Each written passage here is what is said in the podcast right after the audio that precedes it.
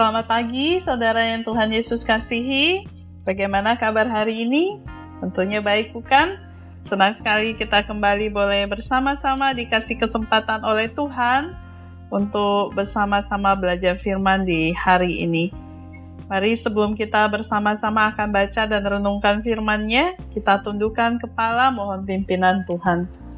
Bapa di dalam surga, kami datang kepadamu di hari ini ya Tuhan. Kami siap hati kami untuk dipenuhi oleh firman Tuhan dan kami berdoa Tuhan tolong kami supaya kami uh, datang dengan kerendahan hati di hadapan Tuhan. Hati kami dilembutkan oleh Roh Kudus sehingga benih firman-Mu yang akan ditaburkan di pagi hari ini boleh bertumbuh dan bahkan menghasilkan buah yang menyenangkan hati Tuhan.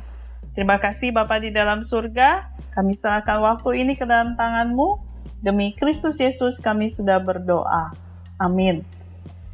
Saudara, pembacaan firman Tuhan pada hari ini dari Yakobus pasalnya yang keempat ayatnya yang ke-6 hingga ayatnya yang ke-10 yang berbunyi demikian.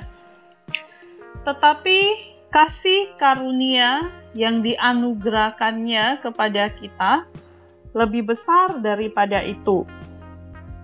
Karena itu, ia katakan, Allah menentang orang yang congkak, tetapi mengasihani orang yang rendah hati. Karena itu, tunduklah kepada Allah dan lawanlah iblis, maka ia akan lari daripadamu. Mendekatlah kepada Allah, dan ia akan mendekat kepadamu. Tahirkanlah tanganmu, hai kamu orang-orang berdosa, dan sucikanlah hatimu, hai kamu yang mendua hati sadarilah kemalanganmu, berduka cita dan merataplah. Hendaknya tertawamu kamu ganti dengan ratap, dan sukacitamu dengan duka cita.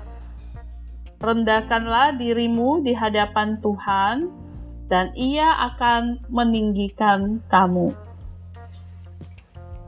Demikian pembacaan Firman Tuhan pada hari ini.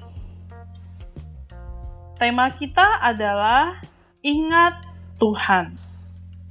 Ketika seorang jenderal kembali dari suatu peperangan dengan membawa kemenangan, warga kota Roma kuno akan mengadakan suatu pawai untuk menyambut kepulangan sang penakluk. Pawai itu akan diikuti oleh pasukan sang jenderal. Kemudian disusul barisan tawanan perang yang dibawa serta sebagai bukti dari kemenangan tersebut. Ketika pawai tersebut berarak melintasi tengah kota, orang banyak akan mengeluh-elukan keberhasilan pahlawan mereka. Untuk mencegah agar ego dari sang jenderal tidak membubung terlalu berlebihan, seorang budak ditempatkan bersamanya di dalam kereta. Mengapa demikian? Supaya pada saat penduduk Roma melontarkan puji-pujian kepada sang jenderal, si budak dapat terus membisikkan di telinganya, "Anda pun makhluk panah."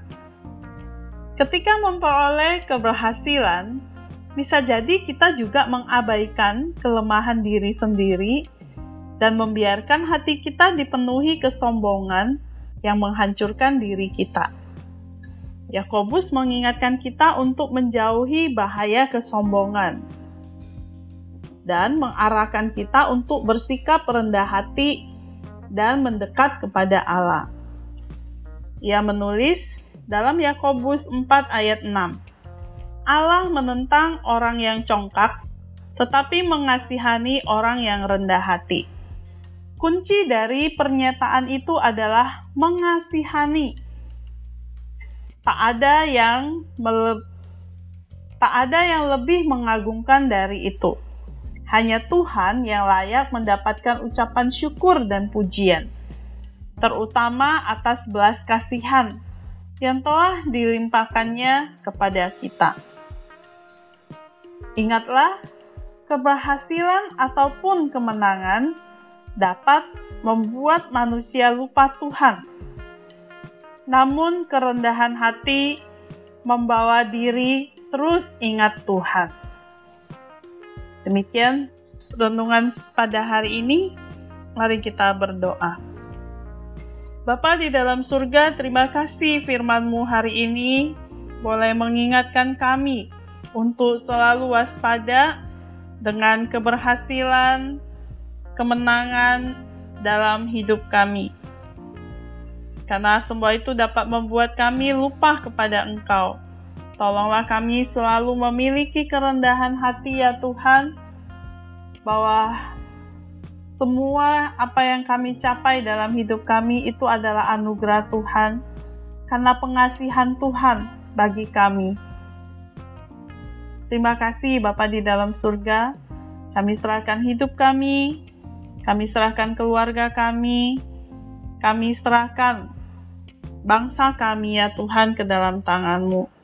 Berkatilah setiap pemimpin bangsa kami agar mereka memiliki kerendahan hati sehingga mereka terus ingat kepada Engkau Tuhan dalam mereka menjalankan tugas panggilan mereka dengan penuh tanggung jawab dan dedikasi yang boleh membawa hidup yang damai dan sejahtera atas seluruh rakyat di tengah-tengah bangsa Indonesia ini.